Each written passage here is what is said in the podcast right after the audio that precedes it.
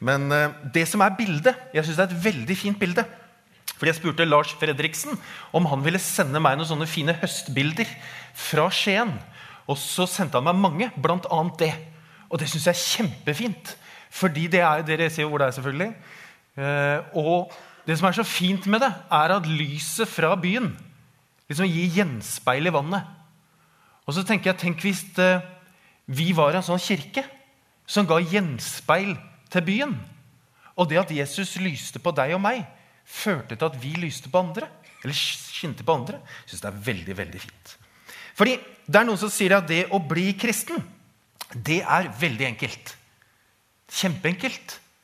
At det bare er å si ja til Jesus. Å si ja til den gaven som Jesus har gitt oss tilbud om frelse og evig liv. Så sier vi ja. Det er enkelt på et vis. Og når du har sagt ja til Jesus, så får du en billett til himmelen som gjør at du kommer til himmelen når du dør. Du får nåde som er ny hver morgen. Um, all synd i livet blir sletta for alltid. Det eneste du trenger å gjøre, det er å si ja. Jeg vil ta imot deg, Jesus, som frelser. Jeg vil tro på deg. Jeg tror at det du sa og gjorde, var og er sant. Men når Jesus kalte disiplene så spurte jo ikke han de om de ville bli kristne. Men han sa jo bare 'følg meg'. Kom og følg meg. Han sa 'kom og følg meg, så skal jeg gjøre dere til menneskefiskere'. Han sa til og med det at om noen vil følge etter meg, så må han fornekte seg selv, ta sitt kors opp og følge meg.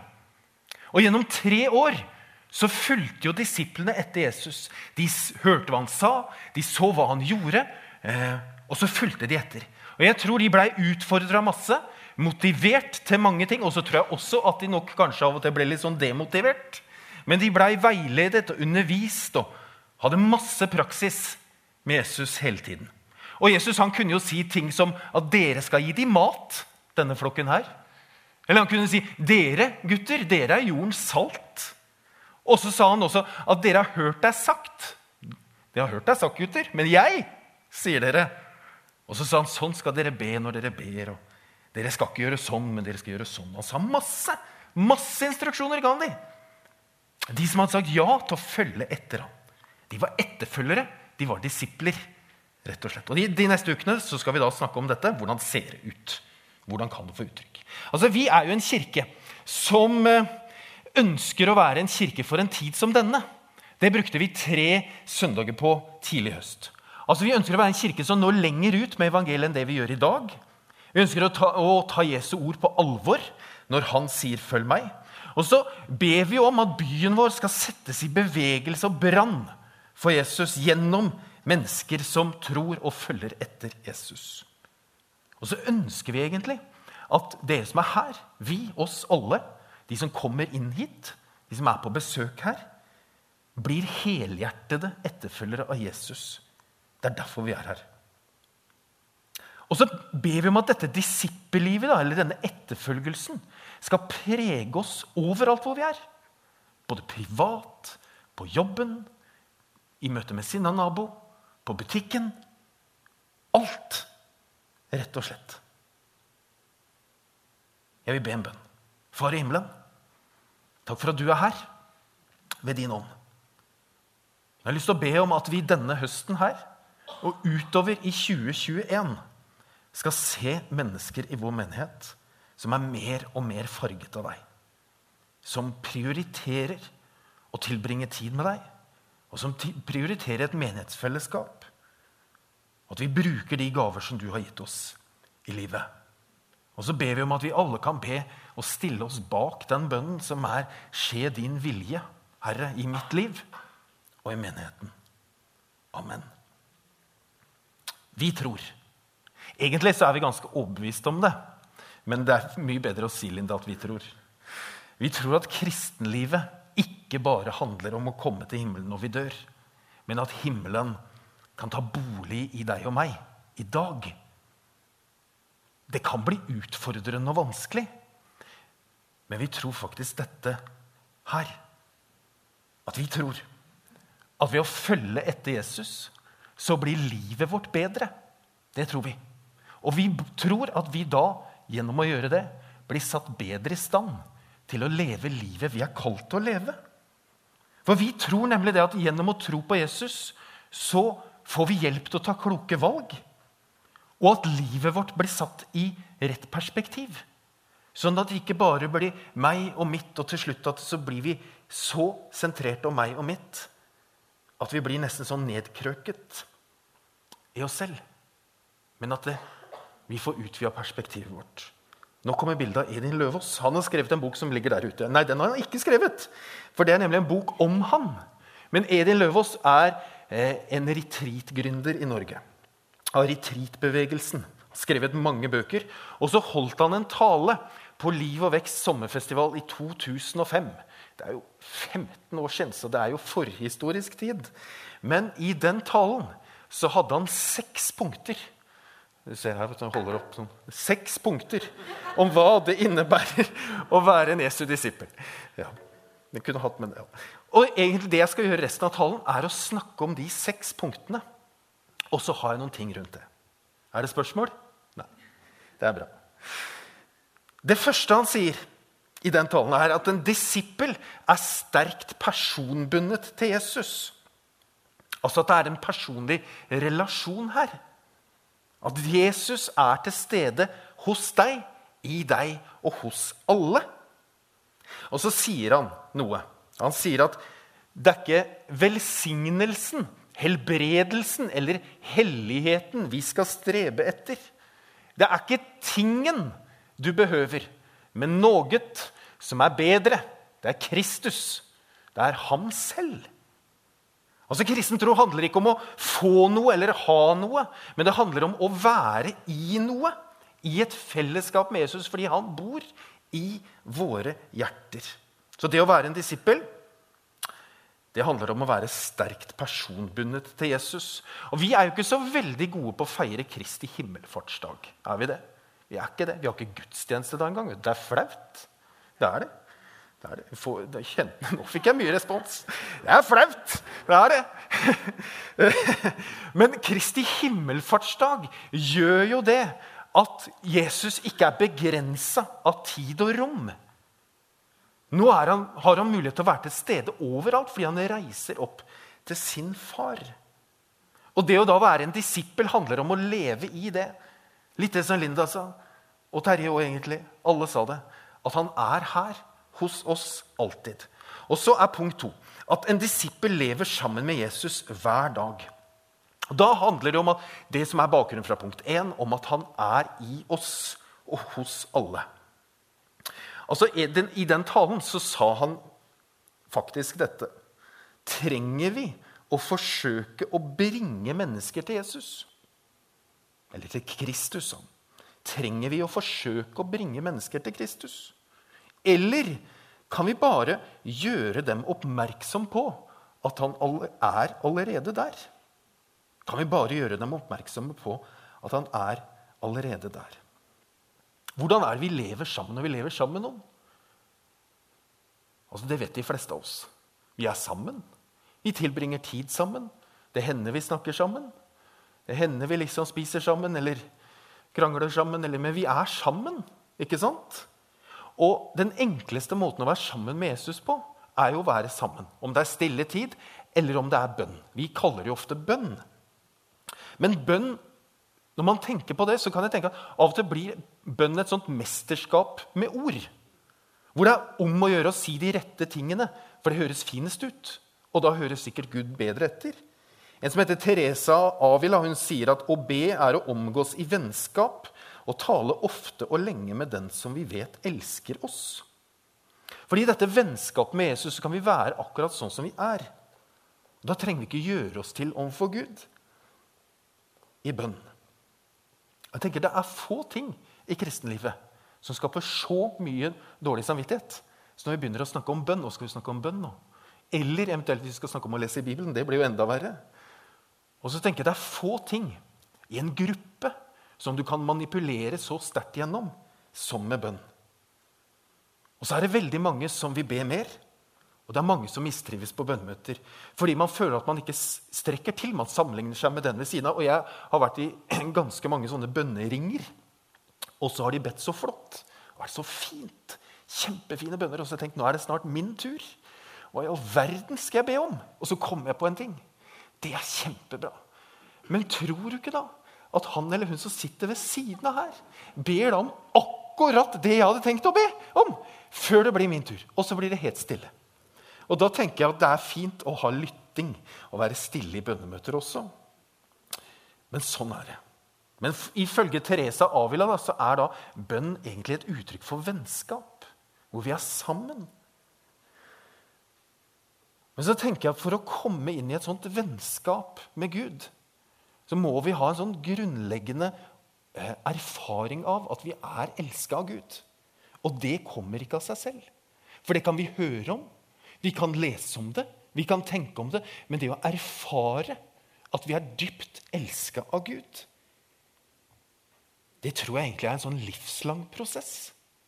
Som vi liksom setter oss dypere og dypere i. Neste punkt er at en disippel blir stadig mer lik Jesus. Ja Linda refererte han Henry Noven. Han har sagt at vi tenker oss ikke fram til nye måter å leve på. Vi lever oss fram til nye måter å tenke på. Vi tenker oss ikke fram til nye måter å leve på. Vi lever oss fram til nye måter å tenke på. Fordi handlingene våre påvirker jo tankene våre. Og praksisene vi da gjør, det former livet sitt vårt. Og Det betyr at vi trenger å ta noen bevisste valg for å forme noen praksiser i eget liv og i troslivet vårt. Som over tid former oss og tankene våre og etterfølgelsen vår. Det er jo derfor vi sier her at det er viktig å gå på gudstjeneste, ha liksom rytme, være en del av en smågruppe, være i tjeneste. Eh, det er jo ikke alltid man har lyst til å gå i smågruppa. Eh, I hvert fall ikke min. Det er jo ikke alltid man har lyst til det, men det er en veldig god praksis. Halla, ser jeg bakerst der. Det er ei smågruppe med Tine. Tenkte at du var ikke. Nei, Nei, men det er jo ikke alltid man har lyst. Men det er noe med å ha den praksisen at det gjør vi. Det har vi bestemt oss for. Det former da oss og tankene våre kjempebra. Kjempebra. Hmm. Andre er jo bibellesning, nattvær, bønn osv. Tradisjonelt i Misjonsforbundet, da, som det var i gamle dager, det er jo Misjonskirken Norge, det er at det er noen ord som vi har vært redd for, som vi ikke vil bruke. Og det er ord som skal, burde, skulle, måtte osv. Fordi vi har vært så veldig veldig redd for at troslivet vårt skal bli sånn lovisk og av plikt. Det er vi veldig redd for. Og det skal det ikke. Andy Stanley, som er pastor i Atlanta, han sier det er å gjøre. Det er å gjøre som utgjør hele forskjellen. Altså Hvis du aldri gjør noe med det du hører, hva spiller det da for rolle hva du har hørt? Vi hører jo veldig mye rart gjennom dagen. I hvert fall jeg. Vi hører så mye rart. Men hvis vi aldri gjør noe, eller handler på det vi gjør, hva spiller det da for rolle hva du har hørt? Paulus sier at en tro uten handlinger er en død tro. Han skriver til og med et brev hvor han skriver til menigheter som er ganske opp og gå. Så skriver han til og med våre egne folk må lære å gjøre godt. Kristen tro det handler om å høre men også å gjøre. Fordi For å bli mer lik Jesus så må vi jo også gjøre. Hvis vi aldri gjør som Jesus gjorde, så blir vi heller aldri mer lik ham. Så er det punkt fire, tror jeg. En disippel gjør Jesus sine interesser i verden til sine interesser. Hva er Jesu interesser i verden? Hva er det? Hva er det Jesus er interessert i? Han er interessert i mennesker. Når han, eh, mannen kom og spurte hva er det største budet i loven, så Jesus det er to ting. Du skal elske Gud av hele ditt hjerte, av hele din sjel, all din kraft og all din forstand. Og din neste som deg selv. Så er det én ting Jesus er interessert i, så er det mennesker. Du vet at Jeg har hørt at det er blitt fortalt at man kan stå sånn, og så har man en soloppgang i ryggen. Og hvis man snur seg sånn, vender seg om til soloppgang, så får man soloppgang i ansiktet. Det er utrolig hva man lærer på gudstjeneste. Og da kan man jo velge da, om man vil ha sola i nakken, eller om man vil vende seg om å få sola i ansiktet. Jesus han sier 'venn om' og tro på evangeliet. Den som omvender seg, sier Edin Løvaas, gjør dette i bevissthet om at han forener seg helt med sin mesters interesser i verden. For til nå så har mine interesser vært viktigst. Det har vært mitt, som har vært viktigst, Men nå slipper jeg litt tak i det, og så vender jeg meg om. Og når Jesus beskriver dette i Johannes 3, så beskriver han det ikke som en quick fix. For han beskriver det nemlig som en fødsel. Og jeg har hørt rykter om at det er ikke noe quick fix. Men det å bestemme seg for denne fødselen her, det er ikke noe som bare kommer over av, liksom, av en eller annen grunn. Og så skjer det, liksom. Dette er noe du bevisst må gjøre. Det er en aktiv handling. Å vende seg om, eller vende seg bort fra. Omvendelse det handler jo også om å vende seg bort fra det onde. Og innrømme at det onde ligger i meg. I kristen tro så kaller vi jo det for synd. Og Synd da ikke bare som handlinger og dumme ting man gjør, men noe som er mye, mye dypere. Det er noe som ligger så dypt i meg at jeg blir ikke kvitt det før jeg kommer til himmelen. Men frem til den dagen skjer, så kan jeg vende meg bort fra det daglig. En daglig bønn om at Jesus siden farge smitter over på meg, og at hans interesser i verden blir også mine. Hva ser du? At det er Jesu interesser i denne verden, i din verden, som du bør gjøre til dine.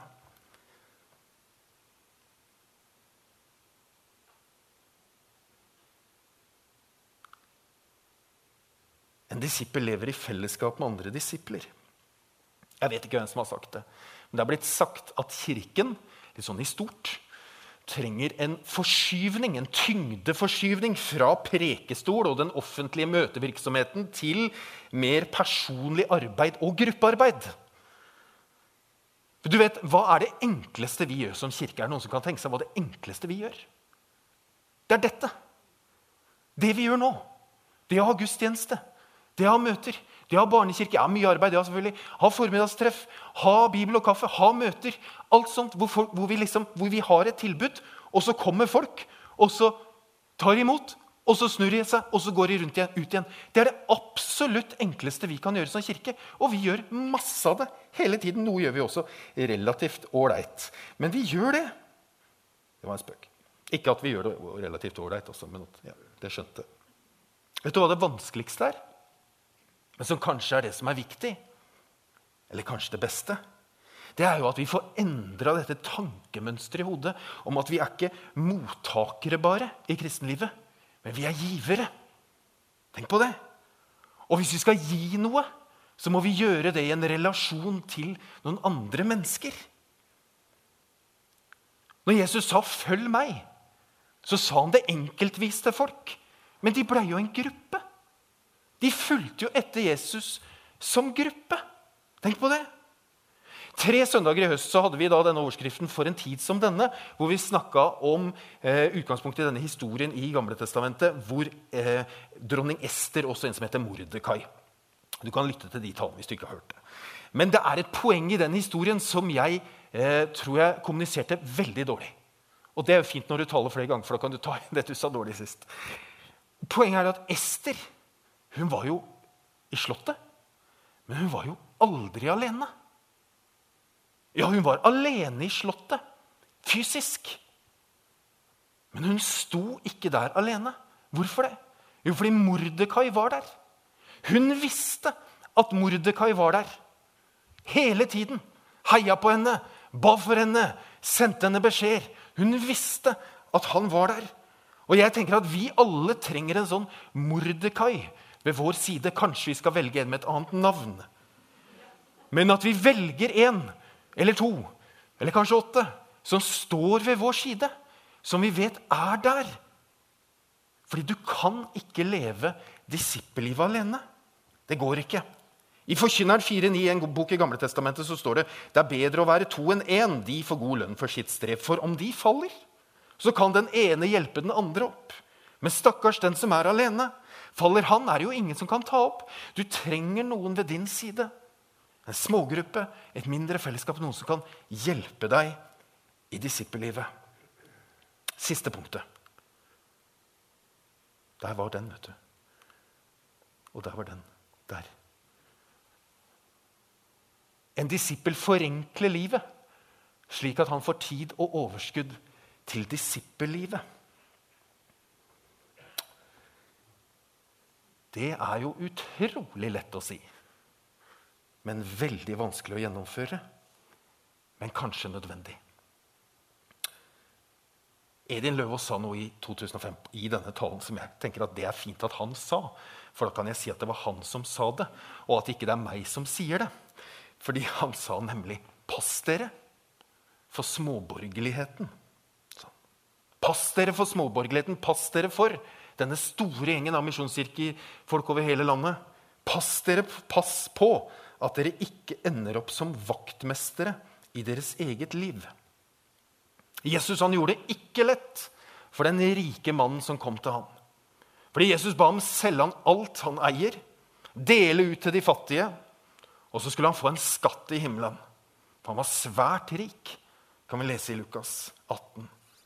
Og så er jeg glad for at det som er umulig for meg, det er mulig for Gud. Og så tenker jeg i dette, denne overskriften her, så trenger vi alle hjelp og nåde fra Gud. Fordi vi alle vil jo ha litt finere klær. Litt mer sminke. Det trenger jeg. Litt nyere mobiltelefon. Litt større hus. Litt mer reising. Litt høyere lønn. Og med litt og litt så blir alt litt mye bedre.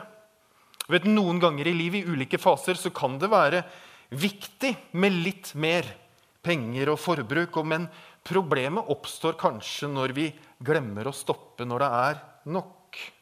Og så tenker jeg at vi som samfunn i Norge, som eh, er på velstandstoppen i en eh, dundrende urettferdig verden, er helt klart skyldige i å ikke nøye oss med nok. Det er det Jesus sa til disiplene, for der hvor skatten din er, vil også hjertet ditt være. Jeg tror det fins en sånn motgift mot dette. Og det er en verdi som Misjonsforbundet har hatt siden 1884. Det heter å være raus. Raus med tiden vår, raus med pengene våre og raus med ressursene våre.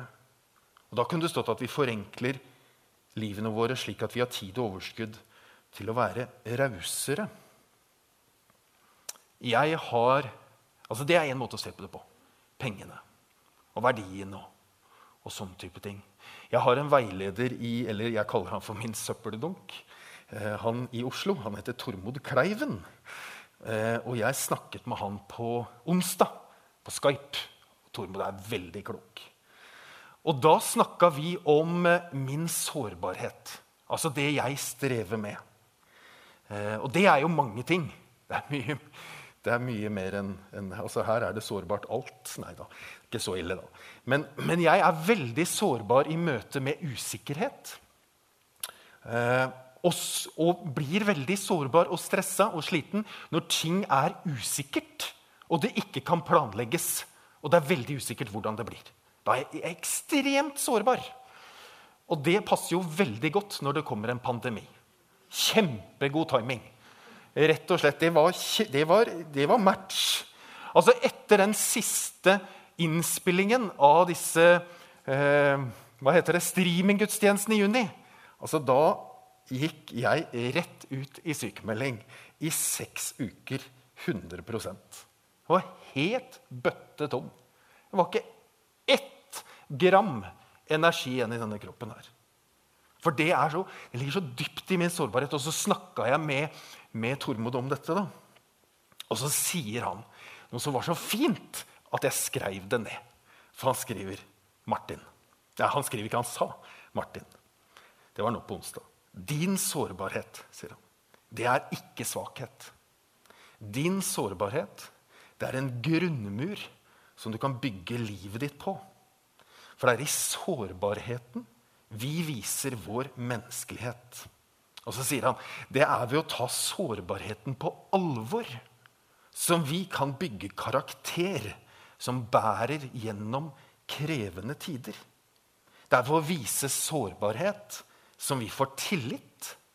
Og det er gjennom sårbarheten at Kristus vokser frem i oss og gjennom oss. Han virker jo gjennom din sårbarhet.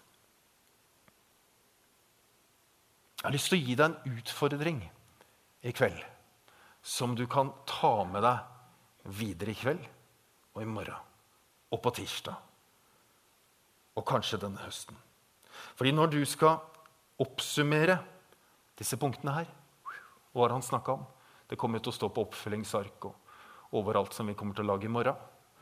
Men der står det altså det at en disippel er sterkt personbundet til Jesus, lever sammen med Jesus hver dag, blir stadig mer lik Jesus, gjør Jesu interesser i verden til sine interesser, lever i fellesskap med andre disipler, forenkler livet slik at han kan få tid og overskudd, så kan vi jo bli andpusten, alle mann.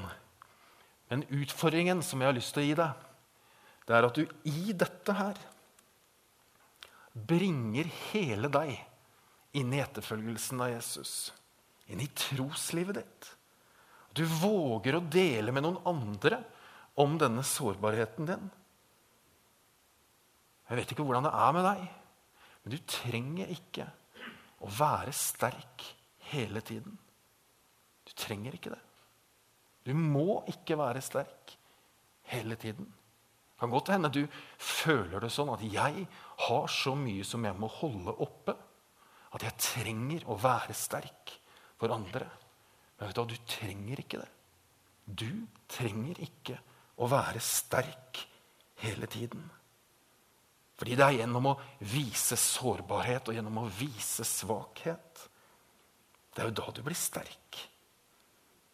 Det er da du bygger karakter. Det er da Jesus får mulighet til å virke inn i deg.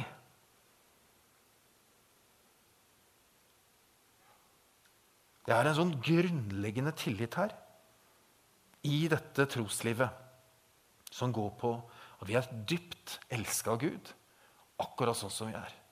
Så den masken som du tar på deg inn i bønnemøter, inn i gudstjenester, inn i tjenestefellesskap, inn i jobben, inn privat, inn der du er Den kan du vurdere om du skal ta av og erstatte med noe som er ekte.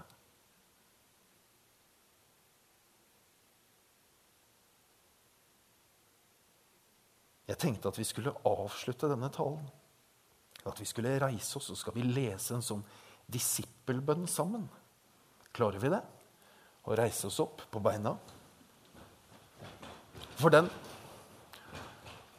den proklamerer på en måte det som er litt sånn grunntonen i dette. Og det er den. Jeg håper dere kan lese det. Herre Jesus Kristus, du står her foran meg. Du er også bak meg. Du er på min høyre side. Du er på min venstre side. Du er over meg. Du er under meg. Du omgir meg på alle sider. Du bor i mitt hjerte. Du gjennomtrenger meg helt. Og du elsker meg, Herre Jesus. Far i himmelen, takk for at du er her med ditt nærvær. Gi oss det vi trenger, Herre. Møt oss der vi er. Kom til oss i dag og i morgen og i dagene som ligger foran. La oss våge å senke disse, denne sterkheten, sånn at vi kan være ekte foran deg og foran de som står tett rundt oss. Og hjelp oss, Herre, til å finne de folka. Takk for et menighetsfellesskap som er raust. Takk for at du er bare god, Herre.